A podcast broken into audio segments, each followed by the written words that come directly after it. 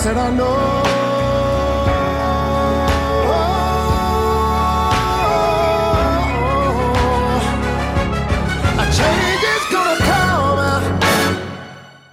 Hej hej och välkomna till ett nytt avsnitt av Skokonomics som idag kommer vara super, superrykande färskaktuellt.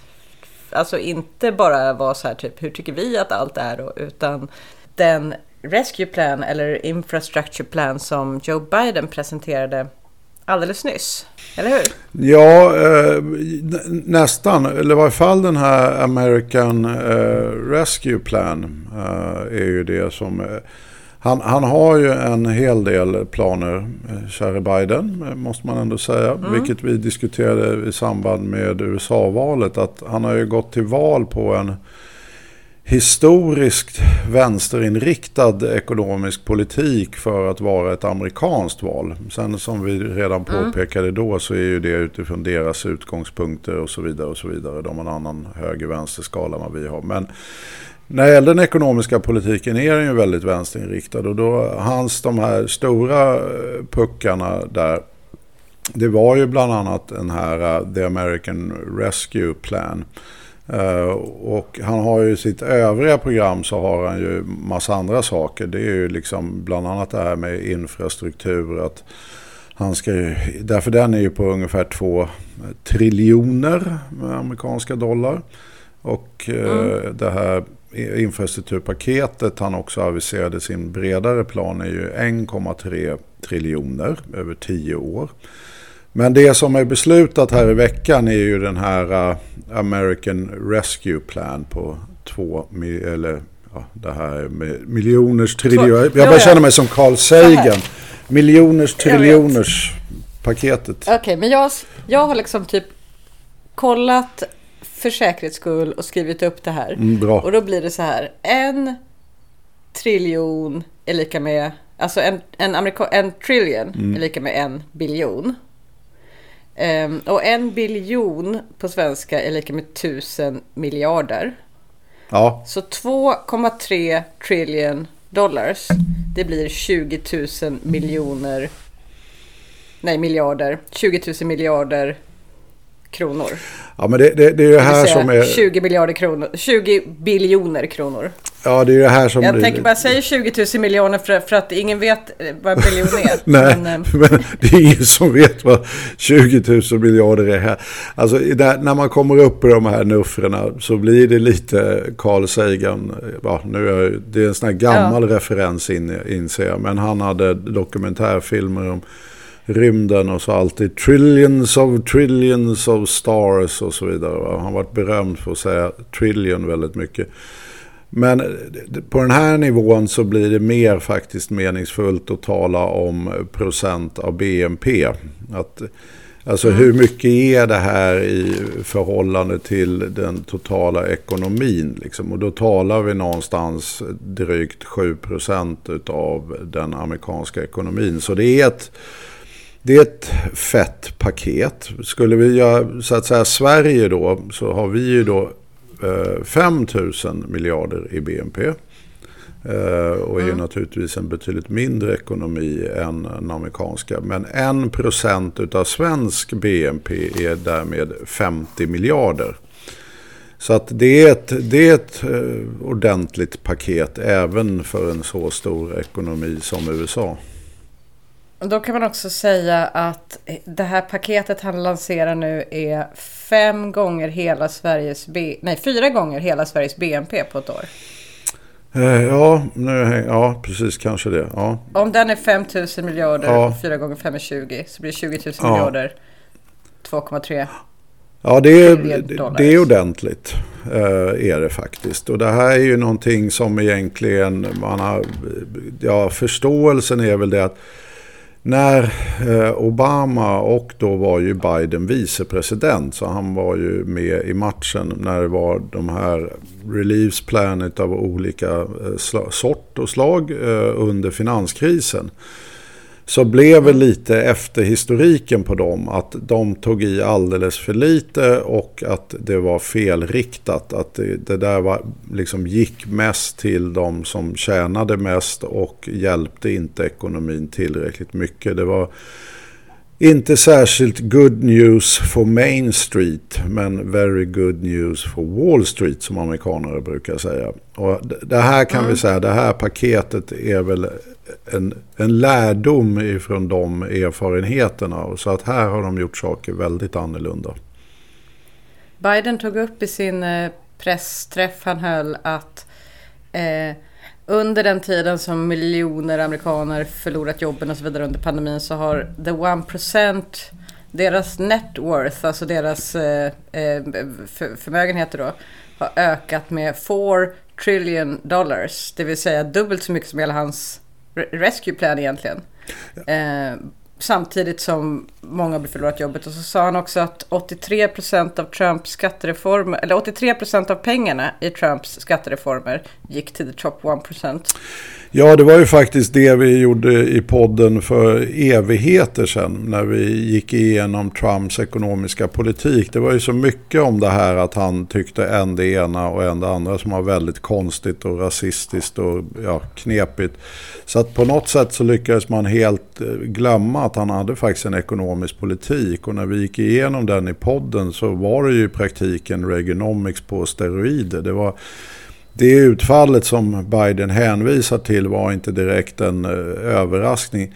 Han sålde ju dock det här genom skumma procentsatser hit och dit. Va? Att typ vi ska ta bort hela liksom, federala skatten för de här grupperna och så vidare. Det bara att de betalade ju ingenting nästan redan i utgångsläget. Och sen ska vi bara sänka det med x procent för de rikaste som ändå betalade federala skatter. Vilket gjorde att det var ju bara de rika som skulle vinna på det här även om det lät annorlunda när man höll på att leka med procent. Så att det, mm både Obama-paketet och sen Trump-reformerna har ju gynnat enormt mycket de absolut rikaste och har verkligen varit så att säga bad news for Main Street och good news for Wall Street. Och det konstiga med pandemin får man väl säga är just den här raketutvecklingen av alla börser. Här har vi någon, någonting som stänger ner ekonomin, tillväxten rasar och börsen går som en raket är inte helt logiskt får man väl konstatera. Men det har ju gjort Nej. rika ännu rikare helt enkelt. Den genomgången som du gjorde då, den finns på Arena Idé på Pengar och politik och jag tror avsnittet heter Reaganomics återkomst. Ja, det var en bra titel. Ja, det verkar vara en bra innehållsdeklaration. Men sen tänker jag också att Biden har lyssnat på våra två avsnitt här, det som heter Trickle Down och Trickle Up. Eh, det är två, en liten serie på två avsnitt med en, att Trickle Down eh, idén är död och att Trickle Up är det nya heta. För han säger bland annat i, han, han använder formuleringar som jag tycker är så här, han har lyssnat på det här avsnittet. Han säger it's time to build our economy bottom up eh, mm. Eh, and middle out istället mm. för top-down. Ja, men jag, jag, känner också faktiskt en stor glädje och stolthet att Biden tillhör en av våra lyssnare, precis som du påpekar. Mm. Så att det... Måste ju varit mycket jobb med att få det översatt och allt sånt där. Ja, precis, men de har mycket resurser i Vita huset där. Det, de har säkert gjort en sån här remake, du vet. Man spelar in det med två amerikaner och så har de liksom manus. Va? Det är, som man gör på sådär danska och svenska serier och filmer. Mm. Så att det, mm. det är kul uh, att de lyssnar på oss. Uh, Undrar vilka som spelade oss? Uh, I dubbningen? Jag tror Law spelade mig faktiskt. ja. det, det, känns rätt. Eh, Brad Pitt eller Law tror jag på. Ehm, ja, men skämt åsido så är det ju verkligen det. Alltså det, det var ju lite det här med ja, trickle up och trickle down. Alltså det var ju också det att utgångspunkten för de avsnitten handlade ju väldigt mycket om att det sker en rätt radikal omsvängning internationellt och i diskussionen bland ekonomer vad som är rätt att göra nu. Ja, så det kan vara den han har lyssnat på menar du? Det, det, finns en liten risk att han har lyssnat på den debatten. Därför det var väl lite ja. det vi försökte spegla. Att det här, det här ja. paradigmet har ju liksom gjort intellektuell konkurs. Det är ju liksom ingen som tror på det här längre. Och uppenbarligen inte Biden och hans economic team heller. Utan de har ju verkligen tagit det här till sitt hjärta. Eh, och det är hela hans nu ska vi i och för sig diskutera mest Rescue Plan, men om man ser till hans hela ekonomiska program så är ju det ett, ett enormt liksom, take på bottom-up istället för top-down. Mm. Eh, jag, jag, lyssnade på det här, när den här pressträffen han höll. Och, eh, om, om man kan uppehålla sig ett ögonblick också kring vilka, vilka symboler och vilken retorik och vilka ord och sådär han använder så det kändes ju som att han verkligen vill. Han pratade mycket om att den ska vara bipartisan och att republikaner kan tycka så här också. Att republikaner älskar ju infrastruktur och så. Men han hade ju också väldigt, det var väldigt, väldigt, väldigt fackligt tung. Mm. Eh, alltså att han, han, han satte mycket eftertryck på, på facket. Han introducerades av en så här stolt medlem av Elektrikerförbundet, eh, avdelning si och så, som berättade om si, si, vad han tyckte om infrastruktur. Jätteviktigt, sa han. Um, och sen så var det, han pratade mycket om fackliga frågor och han sa flera gånger, han återkom flera gånger till uh, collective bargaining och uh, han har något program som han kallar för Pro Act som är typ Protecting Right to Organize Act. Eh, som är för att stärka fackliga rättigheter och så. så att, eh, och han sa Unions built the middle class. Ehm, Typ, han, han, han, han uppehöll sig väl ganska mycket kring, så fort han fick tillfälle, så fort det fanns någon retorisk ingång så började han prata om facket. Det tyckte jag kändes lite nytt i amerikansk politik. Ja men det är ju det och det är också den grejen som har kommit ut ifrån eh, mycket av den internationella forskningen. Att en eh, starkt bidragande orsak till den här liksom skenande ojämlikheten som man har i USA och som allt mer börjar bli ett bekymmer för liksom alla policymakers. Till och med republikanerna har lite svårt att hantera det där som egentligen så att säga är för. Alltså de, de är ju nu på ett u inkomstfördelning och det, de delar ju liksom Ja, när man tittar på den här CIA-ratingen över inkomstfördelningen så ser man ju att de har ju sällskap av extremt underutvecklade länder när det gäller inkomstfördelning. Och det, det ser ju inte så vackert ut. Uh, och, och det här måste man ju liksom ta tag i. Samtidigt så hans bipartisan det är väl liksom ett sånt där ord som alla presidenter tror jag genom alla tider. Möjligtvis inte Trump men till och med han kanske någon gång. Det är ju lite av en sån här buzzword. Men man kan ju notera det att hans program här som du var inne på. Det finns det tror jag faktiskt vi också har ett poddavsnitt om. Eh, som heter Right to Work. Vilket låter ju supernice. Men som mm. de facto är union busting politik. Det är ett rent lagstiftningsramverk som syftar till att förhindra människor att kunna organisera sig fackligt. Eh, det vill ju han ta bort. Och det är ju en sån här hjärtefråga för republikanerna. Och han vill ju höja minimilönen närmast dubbla den till 15 dollar. Och det ville ju Bernie till exempel, för det här är ju mycket Bernie-fest får man nog konstatera. En hel del av hans ekonomiska politik kommer ju egentligen från Bernies förra valkampanj. Uh, mm. Inte minst de här 15 dollarna. Uh, men det fick han ju inte in i uh, den här rescue packaget. utan det... Mm så att det, det är en hel del. Sen kan jag tänka mig liksom att några sådana här grejer, just hans 1,3 triljoner eh, till infrastruktur över tio år. Det, det, de, ska, de har ju en rätt risig infrastruktur och det gäller ju alltid från dammar och vatten och så vidare och el. Det är ju inte, det kanske Republikanerna kan gå med på. Och sen även de här två triljonerna till Clean Energy eh, under hans eh, mandatperiod kan de möjligtvis gå med på. Men det är nog väldigt, väldigt mycket som i hans paket handlar om eh, fackliga liksom, frågor, höja vet, skatten på de rikaste och göra stora investeringar och till exempel efterskänka studielån och så vidare. Han lägger liksom inte riktigt en bipartisan eh, ekonomisk politik i sak i varje fall. Det är inte där han har försökt. Alltså det, är, det är ingen Clinton-strategi. Han lägger sig förvånansvärt, förvånansvärt långt åt vänster. Ja, han gör ju det. Och då kan man förvisso säga bipartisan. Men det kommer nog inte bli så lätt tror jag. Det kommer nog bli snarare ett krig där republikanerna går in och säger att han är socialist. Mm. Om vi, ska, om vi ska lyssna på vad han sa så tänker jag här då kan vi spela upp. Um...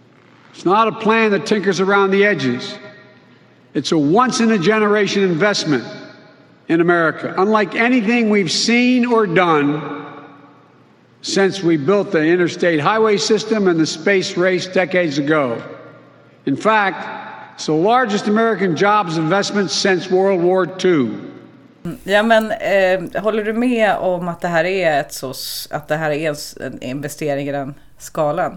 Ja men det, det är det. Alltså om, man, alltså om man ser till hela hans investeringspaket då är ju det rätt många triljoner eh, och det är stort i förhållande till BNP. Men även det här om man mm. tittar på det de beslutade förra veckan som är då uh, The American Rescue Plan. Och den syftar ju i princip till att få igång ekonomin igen. Alltså som du var inne på igen i början där. att det, det har ju varit väldigt konstigt att det har slagit oerhört hårt mot många löntagare och låg och medelinkomsttagare pandemin. Men har gjort de här superrika mer snuskigt rika än någonsin. Va? Det har ju varit liksom heydays för top one. Mm. Uh, mm. Och det här paketet försöker på något sätt rätta till en del av de delarna. Och när man pumpar ut så här mycket pengar i ekonomin. Nu är ju förvisso det här över två år. Så det är ju, det är ju en triljon per år om jag förstår den. Det är lite svajigt att få exakt faktiskt uppfattning om hur den här uh, tajmingen ser ut med alla olika insatser mm. de gör. Uh, tajmingen och finansieringen är väl de Ja, finansieringen finns ju i praktiken inte. De har ju tagit det här beslutet utan att ha en finansiering.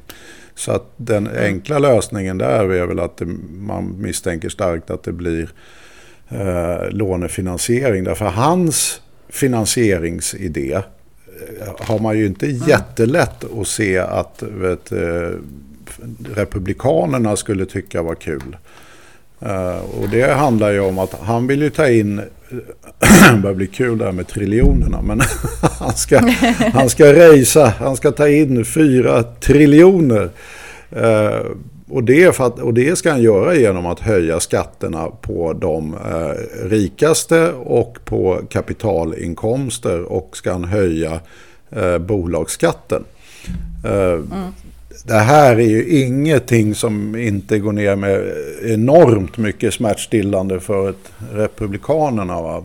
Och det kan säkert finnas en och annan demokrat. De har ju rätt stor bredd i demokraterna mellan höger och vänsterflygen som tycker det här är svårsvalt. Så att mm. just nu skulle jag säga att finansieringen av allt det här han tänker göra är väldigt svajig. Men däremot så har de ju tagit beslut i både båda kamrarna och han har då förra veckan eller förrförra vad det var eh, skrivit under eh, som president. Så att pengarna ska ut. Hur de ska in är däremot mm. lite mer oklart. Nej, och så har han lovat att han inte ska höja skatten för någon som tjänar om det är under 400 000 dollar eller något sånt där. Eh, vilket ju, alltså alla som har normala inkomster då, eller höga inkomster, ganska höga inkomster, är det 400 000 dollar kan det inte vara. Det måste vara, ja i alla fall. Han har ju lovat att inte höja skatten för vanliga löntagare.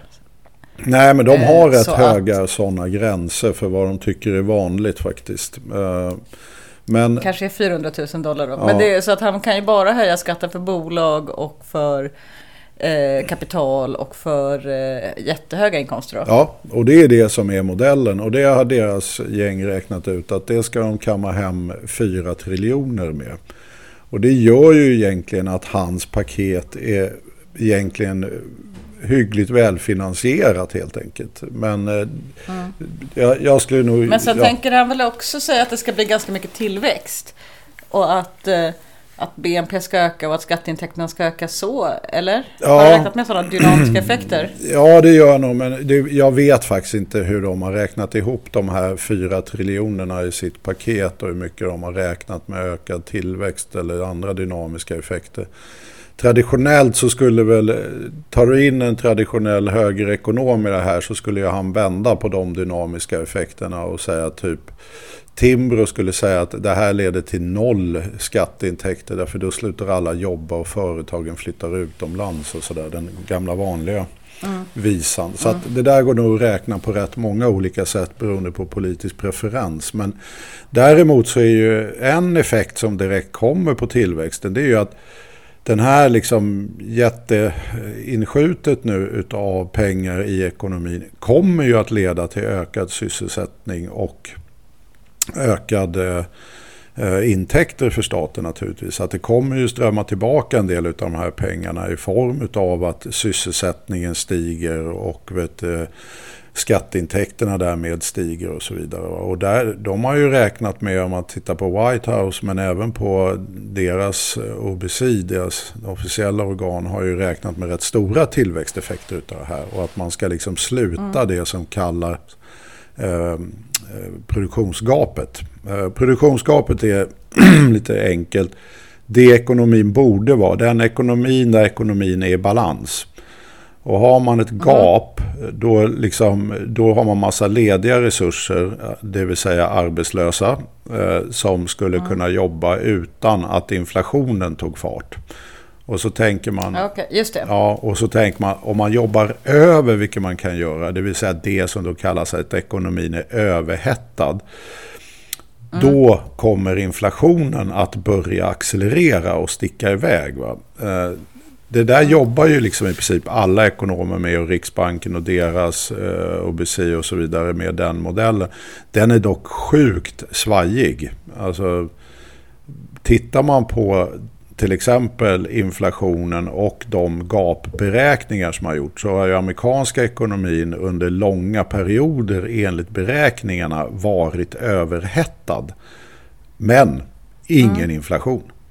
Och då, då, blir liksom, då faller lite modellen. Och det är ju det nu folk egentligen bråkar om kring det här. Att det här paketet är så stort att det inte bara sluter det här gapet utan det kommer kasta in ekonomin i en överhettning och inflationen kommer att rusa iväg. Men, Du är eh, mhm, mhm, ja. Ja, men alltså, Säg någonting tänker, annat boring. alltså, ja, men, jag- nej, men jag tänker att en överhettning av ekonomin låter väl som liksom, relativt bra jämfört med hur det är nu.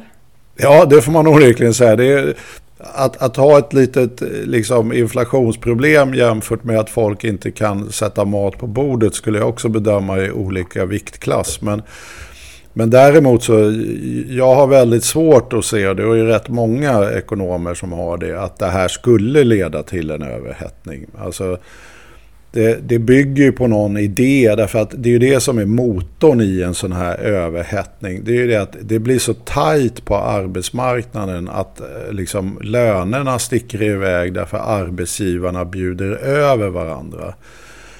Och, och här finns det ju enormt med lediga resurser i den amerikanska ekonomin. Alltså, och, och att alla de nu skulle sugas upp och sen det skulle bli så ont om arbetskraft att lönerna börjar skena. Ja, det känns inte som ett huvudscenario kan man säga. Och tittar man bakåt på inflationen i USA så har ju den varit väldigt modest oavsett arbetslöshet. Alltså den amerikanska ekonomin var ju nere före pandemin i en väldigt låg arbetslöshet för att vara den amerikanska ekonomin. Alltså, de hade ju någonstans 3,5 procent där innan pandemin i arbetslöshet. Eh, Och då skulle ju då ekonomin egentligen ha varit, eller den var det enligt de här gapberäkningarna, eh, överhettad då. Att 3,5 procent var för lågt för att vara ett balansläge liksom. Mm. Men som sagt var, de hade inflation som låg under liksom 2 procent. Och lönerna ökade inte särskilt mycket. Och det som kallas då core inflation var inte heller hög. Va? Så att, och nu har de ju de pikade ju där hysteriskt, eh, men nu har det ju fallit tillbaka en del och nu ligger de ju på det, över 6% i arbetslöshet. Men här kommer den där lilla abrovinken som gör att jag känner mig ännu ändå lite mer övertygad om att det här definitivt inte blir någon inflationsbrasa. Och det är nämligen när man tittar på Labour Force Participation, det vill säga att vilka anser sig överhuvudtaget vara på arbetsmarknaden. Eh, och det mm. spelar ju roll för arbetslöshetsmålet. Därför då måste man säga att hej, hallå, jag är arbetslös. Och då blir man ju mm. det. va de har ju liksom inga vettiga system i form av a-kassa och så vidare. Eh, så att det, det, finns liksom ingen anledning att räcka upp handen och säga, och de har ingen aktiv arbetsmarknadspolitik och allt det här. Vilket vi också är på väg mot i och för sig. Va? Men, mm. Vilket gör det att det, det, är massa människor som helt enkelt bara säger, nej jag får inget jobb men jag räcker inte heller upp handen. Så att helt enkelt arbetskraften plötsligt krymper dramatiskt i just sådana här chocker och lågkonjunkturer.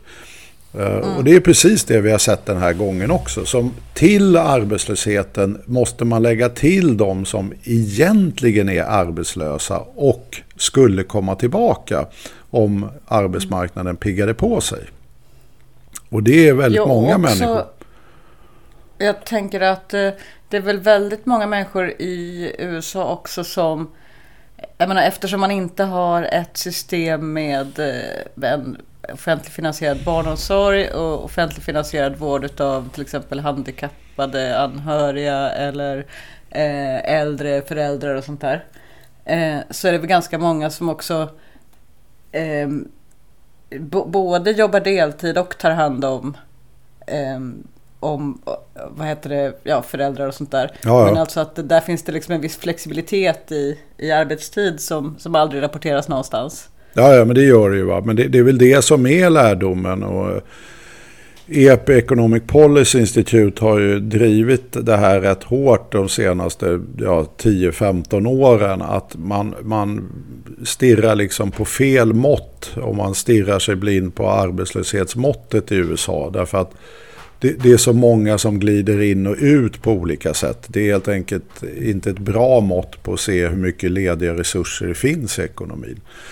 Så att det, det, finns helt enkelt väldigt förmodligen gott om lediga resurser i ekonomin. Och då, mm. då kommer det här inte heller leda till så att säga att man får de här ökade eller de här liksom starka löneeffekterna och inflationseffekterna. Utan då blir det i praktiken bara positiva effekter utav det här. Men sen, Biden pratar ju en del också om just löneeffekter, att han vill att det ska vara eh, union jobs, det ska vara well paying jobs, det ska vara, alltså det ska vara, eh, det ska vara jobb som eh, betalar bra och han, är, alltså han vill inte öka låglönesektorn i USA utan han vill styra om till jobb med lön man kan leva på så att säga. Eh, det måste väl ändå, om det är planen så måste väl ändå öka löneläget generellt? Jo men alltså det, så är det ju. i De här ekonomiska modellerna så ska ju lönerna vara rätt. Va? Alltså egentligen så ska ju löntagarna få sin produktivitetsutveckling och nu hoppas jag att alla våra kära lyssnare vet vad produktivitetsutveckling är efter våra insatser i tidigare poddar. Mm. Och vet, då ska man få den plus inflationen. Och säger vi då att eh, inflationen är satt till att vara 2% som i praktiken är vårt inflationsmål och även det amerikanska. Och man har en produktivitetsutveckling på 1,5. Ja då ska du ha en nominell, det vill säga i fickan löneökning på 3,5% Så att mm lönerna ska ju öka eh, och ökar de då för lite då ska man ju göra stimulerande insatser. Och sen ökar de då för mycket så det är planen att då måste man kyla av ekonomin. Men det mm. Biden, Men det Biden vill göra är ju att höja en del av ekonomin. Det är ju bland annat det här med dubblering utav eh, lägsta lönerna. Den här lagstiftningen som mm. de har som inte mm. vi har. Men det är ju, det är ju ett, det är ett jättelyft för många eh, amerikaner. Och lite var väl bilden att många vet, working poors och de här som har de här low paid jobb faktiskt röstade på Biden därför att han lovade att i praktiken dubblera deras löner. Mm. Men jag tänker att eh, de, bortsett från liksom en generell, alltså dels har vi de som har de lägsta lönerna som då ska höjas och sen så har vi eh, idén om att man genom, genom eh, förhandlingar och ut, löneutveckling och så här ska höja lönerna generellt. Men om han också pratar om en omstyrning utav arbetskraft från, från en låglönesektor till en annan sektor på något vis. Alltså han pratar ju om att, att vi måste ha, eh, alltså han pratar ju om union jobs. Ja, men det, Ehm, det, Och att det, att det är de som ska premieras och att det ska vara alla de här rescue-paketen och sådär. Det ska gå, alla, varenda kontrakt ska gå till ett amerikanskt företag med, med kollektivavtal typ. Alltså det, nu säger han inte att de ska ha kollektivavtal men han, har, han är ju inne på liksom en slags omstyrning utav vilka typer av jobb som det finns. ja, det, Alltså inte bara höja lägstalönerna utan ställa om från en, en, en ekonomi där, där väldigt många jobbar i extrema låglönejobb. Ja, nej, men så, så är det ju. Och det, och det är ju jag- skulle då nog hävda att, att dubblera minimilönen är ju ett sånt sätt till exempel. Då, då trycker man ut sysselsättningen och kan man få sysselsättningen att expandera i andra liksom, delar av ekonomin och man då dessutom lägger till att man eh, tar bort lagstiftningen right to work och underlättar fackföreningsrörelsen och ger dem en större förhandlingsmakt så kommer ju de jobb där, som, där det finns fack och som är välorganiserade kunna försvara sina löner bättre och få löneökningar. Och på det sättet får man till den här strukturella förändringen han är ute och fiskar efter. Att jag, jag, jag tycker nog att han, liksom han det, det är för många människor som springer och plockar äpplen och gör sådana här äppelberg på liksom deras ICA. Vilket det verkligen är också. Eh, Men blir det mycket dyrare så kommer det kanske bli lite mindre sådana helt enkelt på deras ICA. Eller Walmart. Eh, och då, då måste man, då, så har man då de här istället stora investeringspaketen och så vidare. Då kommer ju sysselsättningen komma i hög utsträckning i den delen av ekonomin istället. Och det är väl, tycker jag, nog en alldeles utmärkt politik. Men om man kollar på de olika delarna här. Han har ju... Alltså dels Rescue-planen i, i, i sina grunddrag gick ju igenom förra veckan. Och sen så, går han, så presenterade han detaljerna i infrastrukturplanen i, igår. Eh, och där är det ju väldigt mycket, den, den är väldigt detaljerad men den är väldigt hands-on så att säga. Det är liksom 10, 10 000, nej nu måste jag kolla mina anteckningar. Ja, 10 000 broar som ska repareras. De 10 mest, eh, de tio mest signifikanta broarna ska bytas ut mot nya broar. Eh, typ de som är viktigast för, för de kommer gå sönder annars. sa Han Han var väldigt detaljerad här. Eh, 20 000 miles väg ska repareras. Eh, han ska bygga järnväg, han ska re- renovera flygplatser. Han ska bygga 500 000 laddstationer. Han ska byta ut blyrören i vattenledningssystemen. Han ska, han ska fixa billigare internet eh, till folket, sa han. Eh, men så det är väldigt, det är väldigt mycket liksom byggsektorn här som, som ska ut och bygga massa grejer. Som är, och då säger han då att det här är sådana boost, att det här behövs, den här infrastruktursatsningen behövs för att vi ska bli konkurrenskraftiga och för att vi ska kunna göra en klimatomställning och för att vi ska, ja, men, att vi ska kunna liksom konkurrera internationellt. Eh, Ja, och det, om det tror jag är en lysande idé. Alltså det, det är ju en officiell hemlighet att eh, liksom, USA har ju under flera decennier nu prioriterat skattesänkningar och tryckt tillbaka offentliga investeringar och underhåll. Vilket naturligtvis leder till att de har ju en fruktansvärt skräpig eh, infrastruktur som just gäller inte minst vägar, broar, dammar, elinfrastrukturen eh, och så vidare. Som, där, där det är närmast livsfarligt. Va? Alltså, Det har ju varit sådana skandaler också när det gäller infrastrukturen. Där liksom saker och ting har kollapsat eller inte fungerar och så vidare. Som beror helt enkelt på att man har inte investerat tillräckligt mycket. Så att det, det här tror jag nog att de flesta människor tycker nog att det var nog hög tid. Eh, Men det, det, fin, det blir ju den Han här... sa också att de kommer spara mycket sjukvårdskostnader på att byta ut blyledningarna, blyvattenledningarna. Ja, det är- rimligt. Ja, det, ja, vi stockholmare har ju ingen aning om hur gott vatten vi har. Alltså, men det har vi nästan tror jag överallt i Sverige. Lika gott vatten. Men amerikanarna har ju ett magiskt äckligt vatten. Och så löser de ju det genom att tokklora eh, liksom, eh, deras eh, rör. Vilket gör att det, det smakar superskumt vattnet. Alltså, ja, Ja. Washingtons vatten är groteskt äckligt. Alltså det går inte att dricka. Eh, sen skyllde någon Washingtonbo på att så där är det en gång i månaden eller vad var det. För det är efter den här, de har flashat ut med kloret så blir det ovanligt äckligt och så blir det lite bättre. Men det är fortfarande äckligt. Nej men de, de har en eh, eftersatt, eh, enormt eftersatt infrastruktur. Och, och det där Ja. behöver de ju ordna till för att faktiskt vara en modern ekonomi. Eh, men sen är det ju välfärdsdelar, också hälso, sjukvård, eh, forskning kanske inte räknas som välfärd, men eh, forskning, skola, studieskulder, ehm, ja vad är det mer?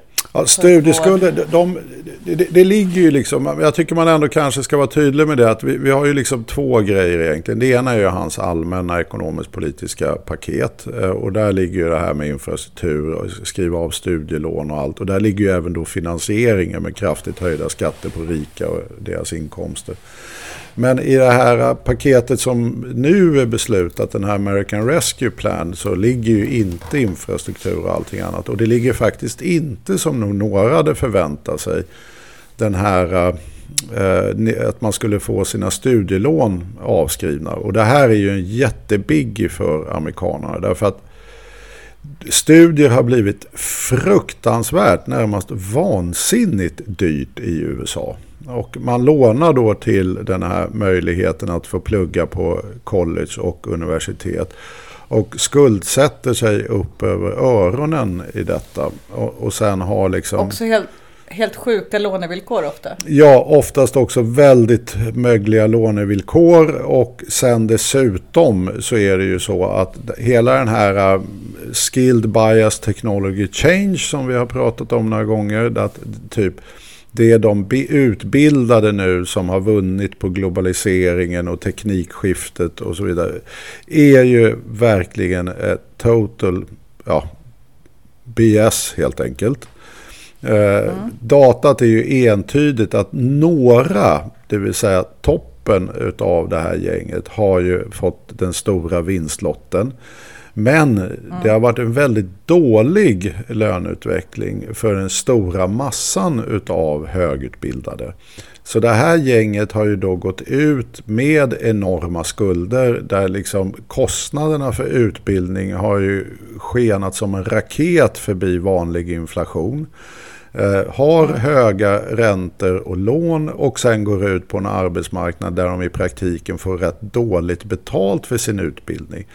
Och det här pressar ju många amerikanska medelklassfamiljer enormt mycket. Och det är ju därför han har det här löftet om vi ska skriva av alla studielån. Och det är ju det är ju ett stort löfte kan man nog säga.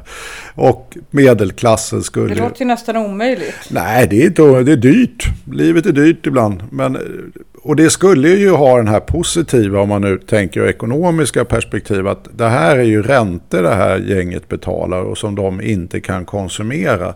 Så det, det skulle ju naturligtvis ha en väldigt positiv efterfrågeeffekt att frigöra medelklassen från deras skuldfälla som utbildningslånen har tvingat dem in i. Eh, och det, då sk- Men nu vet inte jag hur, hur systemet ser ut riktigt, men är är det liksom staten som har studielånen? Nej, det, det, de har ju som vanligt i USA så har man ju massa olika modeller. Eh, så att, Men då kan man inte skriva av dem, då får man ju gå in och betala dem i så fall antar jag. ja, det här, det här är ju säkert sånt som ligger på finansiella sektorn. Så att man får väl helt enkelt köpa upp de skuldsedlarna. Alltså du får ju betala... Ja, just du det, det kan man ja, göra. Du köper ju upp skulden. Eh, Ja, men man betalar folks Ja, man, ja, staten får ju betala dem. Eh, så att det, det går ju liksom inte... Jag tänker det låter ju sinnessjukt dyrt. Ja, det är rätt dyrt. Det, det är väldigt dyrt. Men det ligger inte heller i det här 1,9 eller 2, vi rundar. 2 triljonspaketet nu som i sig då är enormt mycket pengar innehåller faktiskt inte detta löfte. Uh, utan det innehåller däremot ett annat löfte. Och det är väl inte så pjåkigt det heller. Och det är det att när de väl tänker komma med ett paket som innehåller att man skriver av alla studielånen. Då ska den bli tax free. Så det, det är liksom ett nytt löfte att i vanliga fall så om man får skuldavskrivning då re registreras det som eh, inkomst. Och får du då en mm. inkomst så ska du betala skatt på den inkomsten. Så säg att du har mm. två miljoner i studieskulder. Liksom. Ja, då blir ju det plötsligt en inkomst du har fått på två miljoner. Och då ska du betala skatt på den inkomsten, vilket blir rätt mycket pengar. Så att det, det de har lagt in i det här eh, 2 triljoners paketet är ju att den här avskrivningen ska bli eh, skattefri för de som får avskrivningen. Det vill säga att de bara i praktiken bara försvinner. Alltså jag tycker att det här känns svajigt för att eh, alltså inte bara att det blir svindyrt utan också eh, men hur mycket ska man verkligen ha nu kanske jag är, jag vill inte vara en moralist här. Nej. Men om man har liksom en massa människor som går och drar på sig massa dyra studielån som de egentligen inte har råd med. Och sen har man en massa andra människor som går och inte skaffar sig en härlig flashig utbildning utan som går och gnetar och serverar på restaurang och inte har några studielån alls. Att man då, eh, att man då liksom genomför ett, ett st väldigt stort gynnande utav alla de som har dragit på sig studieskulder?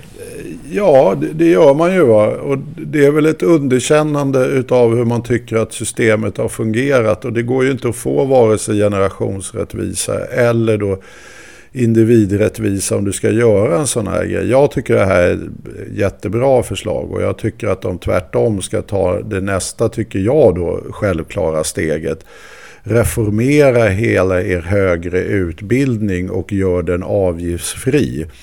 Och inför ja. istället bara lån du behöver för att överleva och gör dem subventionerade. Det vi då kallar för studielån i Sverige.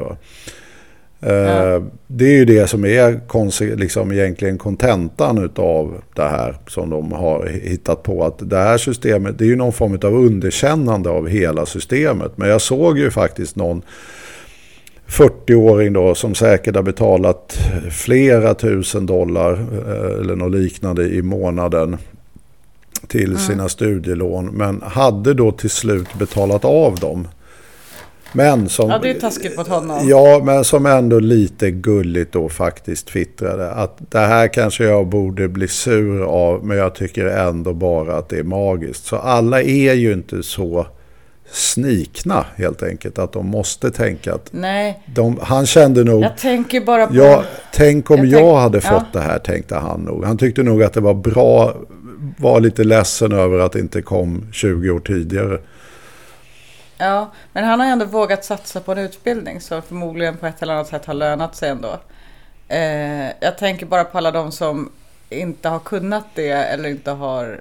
Eh, alltså, ja. Jag, jag, känner, jag känner en liten missunnsamhet ja, med du de är, som aldrig eh, utbildade sig alls. Jag känner att du intar en rätt obehaglig högerposition här. Eh, och nu vill jag ändå rätta dig då i den meningen att ja, det Starkt är... statement. Ja, det är så, denna missundsamhet du ger uttryck för är ju mm. naturligtvis också en spegling av det här att massa människor inte har vågat ta på sig de här enorma skulderna. Och det finns det ju massa studier på också. Och det är naturligtvis... För att de har varit ansvarsfulla också? Nej, därför de också har tillhört arbetarklassen och inte har studievana och inte vågar chansa på en sån här liksom, riskfylld Nej. investering. Va? Eh, fine. Exakt. Men du löser inte det problemet genom att du, inte efterskänka de här studielånen som har blivit en liksom, cancerböld i den amerikanska ekonomin. Utan det löser du som jag var inne på tidigare genom att helt enkelt reformera utbildningssystemet. Att göra högre utbildning gratis. Att se till att liksom arbetarklassen inte behöver uppleva att det är att riskutsätta hela livet bara för att jag vill skaffa mig en högre utbildning. Så löser man det problemet. Mm. Ja, jag fattar väl det. Ja, och så får man precis. se till att kompensera då med att ha någon slags vettig för vuxenutbildning också. Ja, exakt. Så att inte det är bara, bara nästa generation som, som kan få chansen. Ja, men det, det, det, blir ju något konstigt tycker jag att man tycker att det här är ett sånt stort problem som man tycker. Eh, och då, då, måste man ju liksom dra konsekvensen av det tycker jag. Att eh, ja, då är det fel på systemet.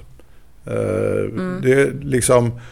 Ni, ni, kan inte ha ett system som gör att ni hamnar i en situation att staten ska gå in och efterskänka hela den skuldmassan som studenterna har dragit på sig. Det är ju ett jättekornigt system. Först lånar vi ut och mm. de betalar eh, till eh, de här också då privata eh, verksamheterna som det är. Mm. Och sen så vet du, går staten och efterskänker pengarna. Det är så här, ja, så att det, jag, jag kan hålla med dig så långt att det, det är ett konstigt sätt att hantera egentligen ett eh, liksom utbildningsmisslyckanden. Eh, och att man mm. borde ta tag i det grundläggande problemet istället. Mm. Men eh, ja, jag får släppa det. Det är mera känslomässigt sådär att Eh, det var orättvist. Ska det verkligen... Man sköter sig va? Man eh, tar inte oansvariga beslut om att dra på sig skulder så om det är osäkert om man kan betala. Och sen så de som har gjort det och inte kan betala dem, de bara får ett eh, slipp ut i fängelset-kort.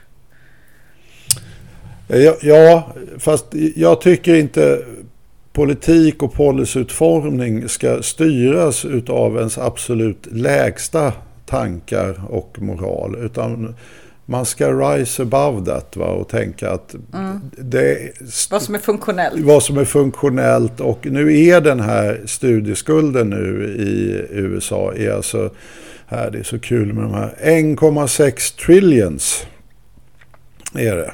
Mm. Uh, Otroligt, ja. Och det, det är ju liksom uh, enormt va. Uh, och, och det här det är såklart att vanliga... Och det, du har ju rätt i det, i och med att arbetarklassen i hög utsträckning inte vågar ta på sig de här skulderna och riskerna.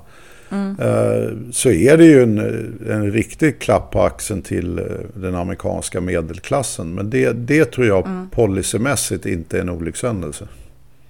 För du behöver ju, i Sverige behöver man ju bara låna för att eh, man ska klara av att betala sin, sin mat och hyra under tiden man studerar. Men i USA behöver man ju låna även till ganska dyra tuition, alltså terminsavgifter. Ja, jo, men det, det, det, är ju det som jag tycker blir liksom... Eh, jag är ju inte expert på det här området på något som helst sätt. Men den bilden jag har fått när jag har läst en del om det här är ju det att möjligheten att ta studielån och att man liksom har öst in i den marknaden. Det har ju också lett till att kostnaderna för att gå på de här utbildningarna har ju ökat väldigt dramatiskt. Eh, mm. Och då, då blir det ju en rätt olycklig eh, rundgång. Så att säga att lånen driver upp avgifterna på college och universitet därför man bara kan skuldsätta sig mer och mer. Och sen så när man har drivit upp det där då kommer staten i praktiken in och pröjsar det. Va? Så att jag, mm. jag landar nog på min gamla vanliga position där att de måste göra någonting åt sitt system. Och det, jag höll ju på att trilla av pinn när jag hörde vad det faktiskt kostar att gå på NYU till exempel, alltså University mm. of New York. Liksom, det är ju sjukt dyrt. Alltså, det är obegripligt att det alltså finns folk som läser typ konsthistoria och betalar så mycket. Och då menar jag inte att det är något fel på konsthistoria utan liksom bara att det inte det är inte så garanterat lukrativt i framtiden. Mm.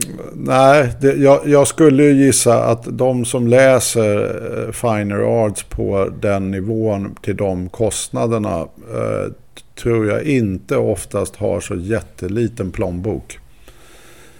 Nej, de kommer inte från... Eh, Nej. de, de har inte liksom så här tagit jättestora lån eh, och liksom jobbar på... Nej, Nej. de kommer inte från arbetarklassen helt enkelt. Nej, och de kommer nog till och med från överklassen och har mamma och pappa som bällar det där och inte att de själva tar de studielånen. Utan det här Men är ju, ändå, det här är fullt möjligt för mamma och pappa, att som betala. bara så här, klart, klart, klart grabben ska läsa konsthistoria för 200 000 kronor per termin. Eh, ja, Det är ändå schysst mamma och pappa. Ja, det till och med ännu dyrare om du går på de finare universiteten. Ja. Ja, nej, men jag håller med dig. Det, jag är ju magiskt lycklig eh, som far till tre barn. Att, eh, och som dessutom två av dem nu åldersmässigt har hamnat på universitetet eller gått igenom. Och dessutom med ambitioner och ska hålla på och läsa nationalekonomi och juridik och sånt där. Ja, och jag, jag är så sjukt glad att jag inte lever i USA kan jag säga. Det är bara thank God for that. Så så är det, men det, det, det är ju det är en hel del tycker jag i det här paketet. Eh, när, just, när det gäller sådana här konstigheter som, nej, men vi, vi ska använda, ja nu skrev man ju inte av det i det här paketet, utan det var ju bara skatten man eh, piffade till. Men det är ju väldigt mycket, de, de har ju de här pengarna de bara skickar checkar ut till folk. Och det är ju liksom, det, är ju, det är ju därför man inte har ett vettigt eh, välfärdssystem. Alltså, Det blir så här, äh, vi vet ju inte vilka som riktigt har foten i kläm. Vi har ingen eh, liksom, socialkontor du kan gå till och säga att eh, hallå, jag svälter, det skulle vara kul med lite pengar. Eh, utan här Nej. blir det någon slags så här bara mörsa ut. Va? Och, och det i sig är ju naturligtvis fruktansvärt dyrt. Va? De ska ju skicka ut nu till exempel då en check på 1400 dollar. Och det är ju ändå vad det kan vara nu 12 000 spänn eller något sånt där. Va? Eh, Till alla personer som tjänar mindre än 700 000 om året. Du vet bara, här kommer check på post. Have fun. Det är, det är, inget, det- det är inget billigt. 700 000 dollar? 1400 dollar. Ja men alla som tjänar mindre än 700 000 dollar eller? Nej, nej, 700 000 kronor. Jag gjorde en 700 000 liten eh, kronor, snabb... ja. Ja. ja, det är alltså 75 000 dollar. Är det ju det, Ja, annually. Eh, ja, Det är blir- ändå mycket. Ja, det blir ju inte riktigt 700 men i, i de faggorna. Ja, ja, det, är- ja, men det är upp till liksom någon slags medelklass eh, kan man ju säga. Så att det, det där är ju inga billiga historier att göra. Och det, det, det är väldigt svårt att se. SD tror jag i och för sig faktiskt plockade hem det där förslaget sist de gjorde det. Och Därför att de helt enkelt inte förstod att det var därför att amerikanerna har ett u-lands välfärdssystem och vi inte har det. Men de hade ju tror jag någon idé att de skulle ge varje svensk 10 000 kronor och sånt där. Vilket är då fruktansvärt dyrt, ineffektivt och otroligt dålig träffsäkerhet på. Så att det skulle ju vara ett, ett skämt och vansinne om svenska staten brände pengar på det sättet. Men amerikanska staten gör det. Det är spännande tider som vi lever i tycker jag. Därför att vi har ju, vi har ju liksom en perfekt storm av omständigheter här som skapar möjligheter till ett enormt skifte i historien kan jag tycka. Dels att vi har det paradigmskifte som vi pratade om eh, som vi pratat om i de senaste avsnitten men kring där man eh, även från de stora institutionerna, universiteten och så vidare inser eller börjar byta åsikt om hur ekonomin fungerar. Det vill säga det, det funkar inte längre med den här eh, nyliberala högerpolitiken så att säga som har drivits. Eh, så att det finns ett skifte där i hur man ser på hur ekonomin funkar och vad som skapar produktivitet, tillväxt, välstånd och så. Sen har vi också klimathotet som eh, Alltså att vi måste lösa, alltså vi måste lösa enorma problem som vi aldrig har löst förut genom någon slags stora investeringar. Och vi är överens om det, frågan är bara kan vi få det att hända? Och sen har vi som den tredje, eh, den tredje liksom tillförseln utav vind här, pandemin som har både skapat eh, en enorm krismedvetenhet, alltså att man är villig att göra uppoffringar, man är villig att göra förändringar, man är villig att ändra på nästan vad som helst. Okej, okay, det här är en kris. Greta Thunberg sa ju det i någon intervju härom, häromdagen här att, eh, att pandemin visar ju att när vi blir rädda så är vi beredda att göra vilka uppoffringar som helst. Eh, och att eh, det problemet är bara att vi inte har hanterat klimatkrisen med samma rädsla så att säga. Eh, men eh, och som också har visat inte bara att vi är beredda att göra uppoffringar och förändringar utan också att som också har visat att staterna är beredda att göra enorma investeringar. Eh, typ som att pengar plötsligt inte har alls samma värde eller man behöver inte alls snåla med resurserna på det viset som man har varit tvungen nu i decennier. Eh, och alla de här tre sakerna samtidigt som, som sker, det grundar väl ändå för att vi ska kunna i hela världen se en era utav stora, stora investeringar. Alltså stora jobbpaket, stora infrastrukturpaket, stora energisatsningspaket och så. Ja, det är ju det, är ju det jag tror och hoppas på. Eh, det här är ju otroligt eh, uppmuntrande ur det perspektivet. Att vi kan ju säga de senaste 15 åren har ju kritiken emot det liksom nyliberala ökat och ökat och ökat och nådde ju liksom efter finanskrisen 09 i praktik stormstyrka och det är liksom tio år sedan. Men det hände inte särskilt mycket och EU och Europas länder bedrev ju en vansinnig politik med åtstramning eh, rätt snabbt följt efter då krisen och så vidare som förlängde den. Och, ja, men det, det, var så här, det var mycket snack men extremt lite verkstad. Och så fortsatte det här liksom paradigmskiftet att liksom, det här funkar inte, ni måste göra någonting annat. Det här är nog det som du då är inne på. Vi måste liksom göra offentliga investeringar, vi måste se till att få en bättre liksom, eh, fördelning av konsumtionen och minska ojämlikheten och ja, allt det där. Göra finansiella systemen mer stabila. Och, och här kommer plötsligt eh, liksom proppen i flaskan och så kommer faktiskt ett jättestort keynesianskt inriktat bottom-up-paket. Uh, in the leader of the free world. Och nu har ju inte alls USA samma liksom, status som man hade på 80-talet. Eller för den delen på 40-50-talet. Men mycket av de här politiska skiftena vi har sett, faktiskt både det som kan vi kalla för keynesianismens era och sen den nyliberala eran, kom ju i praktiken mm. från att det var liksom USA som bestämde tongångarna och sen så trillade alla andra länder in. Och i den meningen så ger ju det här skäl till en viss optimism det här ja, både då rescue-planen och eh, då hans övergripande ekonomiska politik för att det här kommer vi ja, se mer diskussion om och vi kommer väl förhoppningsvis se då även Europa hoppa på sådana här saker som att vi måste utveckla ekonomin och klimatomställningen, investeringarna, se till att göra någonting mm. ojämlikheten och allt det här. Så att, ja, det, det är uppmuntrande får man väl ändå säga. Och det land som klarar sig bäst, eh, vad man ska säga, i världen eh, när det gäller att ha goda prognoser och fin utveckling när det gäller ekonomin och så. Sen kanske inte klarar sig lika bra när det gäller mänskliga rättigheter och så. Men jag har bara tittat på ekonomin så Kina har ju aldrig varit någonsin i historien egentligen speciellt rädda för stora infrastrukturinvesteringar. Nej, men jag tror faktiskt vi är på väg att få tillbaka någon form av systemtävlan. Vilket är kanske lite läskigt. Men man, får inte glömma att välfärdsstaten eh, liksom kom ju fram i hotet ifrån eh, Sovjetunionen där det var en systemtävlan. Och idag framstår mm. ju det helt sjukt. Men på 50-talet så gick ju liksom den eh, sovjetiska ekonomin som tåget. Uh, Och sen på 60-talet så liksom började de skicka iväg grejer i rymden. Vilket gjorde ju amerikanerna mm. sjukt nervösa. Så att hela den här McCarthy-eran med att förfölja liksom, kommunister och så vidare. Som ja, alla känner till säkert. Men mm.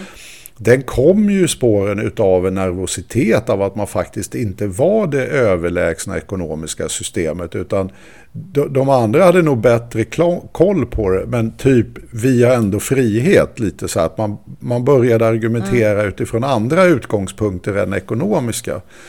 Mm. Och det där gjorde nog en hel del människor nervösa. Uh, och möjliggjorde ju naturligtvis utbyggnaden av välfärdsstaten och så att säga öka då stödet för, den e för det egna systemet och så vidare. Nu börjar vi ju få någon liknande systemkonkurrens eh, globalt sett med att just Kinas mera så att säga auktoritära eh, liksom ekonomiska modell och planerade ekonomiska modell lyfts av många som just sådär att titta vad de här är framgångsrika. Uh, mm. Och titta vad det går dåligt för de där andra som håller på med sådana här nyliberala lekar och sådär. Uh, men det där, där känns det väl som att Ryssland är lite ute i, alltså de är på väg ut med någon slags, men då, för de har väl en Ja, men det är den här kombinationen av rövarkapitalism och berikande av den politiska eliten känns det som att ingen gillar. Nej, jag, jag tror de aldrig upplevdes riktigt som systemkonkurrens på samma sätt som den kinesiska modellen kan upplevas. Och det, det, vi fick ju till och med en sån debatt angående pandemin. Har en har en regim som den kinesiska lättare att bekämpa sådana här utmaningar eh, som en pandemi till exempel jämfört med en eh, liksom, demokrati. Eh, och det där tror jag är, det är väl intressant att se var det där landar någonstans. Eh, men... Den landade i konspirationsteorin att det var Kina som startade den på grund av systemfördelarna med att de kan hantera en pandemi bättre än andra. Här, konspirationsteorier finns det gott om. hur många som helst. Så att, eh, vi har ju även Trump som envisas med att kalla det för the China virus. Eh, ja. Och sådär, va? Vilka jag såg ledde till obagligheter nu. Att det är tydligen så att liksom, personer med asiatisk bakgrund nu blir misshandlade och illa behandlade på grund av just sådana här konspirationsteorier. Det, man får vara lite försiktig med vad man hittar på ibland kan jag känna. Men, men däremot så finns det ju den här systemkonkurrensen och jag, jag tror ju att USA känner och eh, det är nog också rätt att vi har liksom gått lite vägs ände på det här paradigmet vi lekte med med nyliberalismen. Utan vi måste ha någonting hur... annat nu. Hur förhåller vi oss till det då? För i Sverige så är vi väldigt noga med att vi är systemkonkurrerande. I det, det brukar, vi brukar ju säga in Sweden we have a system. Eh, vi, vi sätter ju någon slags ära i att ha ett system. Ja. Så vad ska vi komma dragandes med då? Vi, har ju, vi, vi, vi behöver ju hålla oss framme här känner jag. Ja, fast det, det, tror jag vi mer får göra. Jag tror ju mer på att staten måste bli en partner i utvecklingen att utveckling kommer när liksom stat och privat sektor kan göra saker tillsammans som är bra för medborgarna. Eh, mm. det var ju det som var hela byggprogrammet. Vi, vi byggde ju bort fattig-Sverige ifrån andra världskriget fram till 70-talet i princip. Alltså bostadsstandardhöjningen genom det programmet jag, jag, vet inte om det finns någon annanstans i hela världen att en befolkning har fått en så snabb utveckling av sitt boende som vi hade under den perioden. Uh, både när det gäller då kvalitet, det vill säga toaletter och allt det här och utrymme. Men det, det, är liksom, där, och vi har ju det på andra områden, det som kan, liksom, eh, vår syn när vi skulle genomföra elektrifieringen. ICEA, ASEA fick dra mycket av sladdarna och, staten stod för mm. liksom, beställningarna och så vidare. Det här är ju vår standardmodell när det gäller samhällsomvandling och utveckling.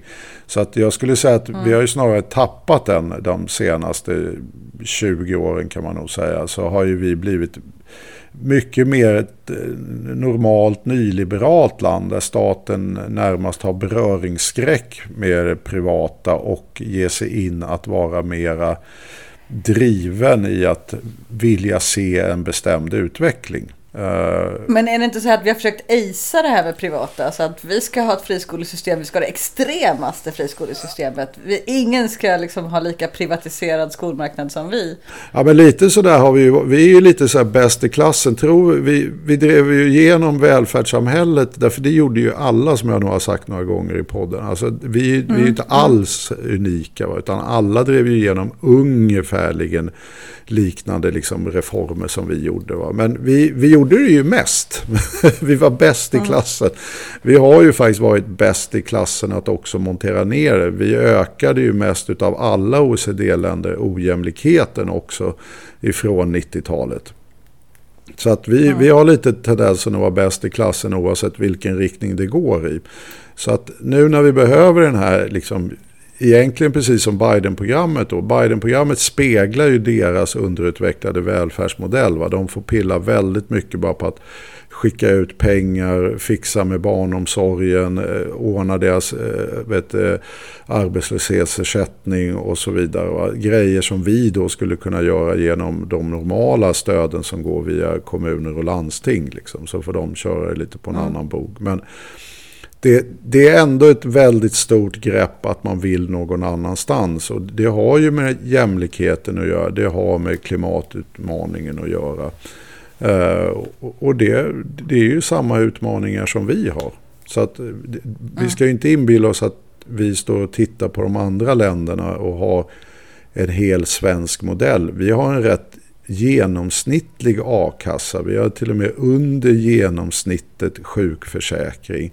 Vi har låga mm. skatter på vet, förmögenheter, tillgångar och så vidare i jämfört med andra länder. Så, så att den här svenska självbilden är nog, behöver nog en ordentlig uppgradering.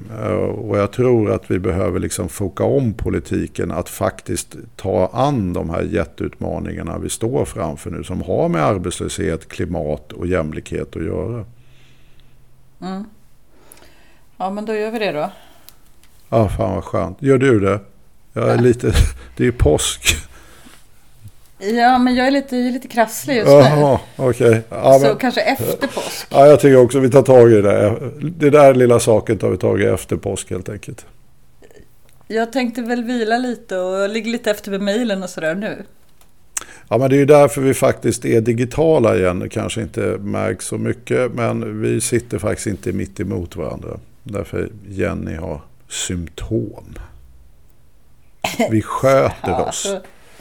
Jag är faktiskt jättesjuk. Ja, förlåt. Det är inte bara, så här... det är inte bara symptom. Du kan ta dina jävla symptom och... ja, jag tror inte förlåt. att det är corona, men jag i alla fall...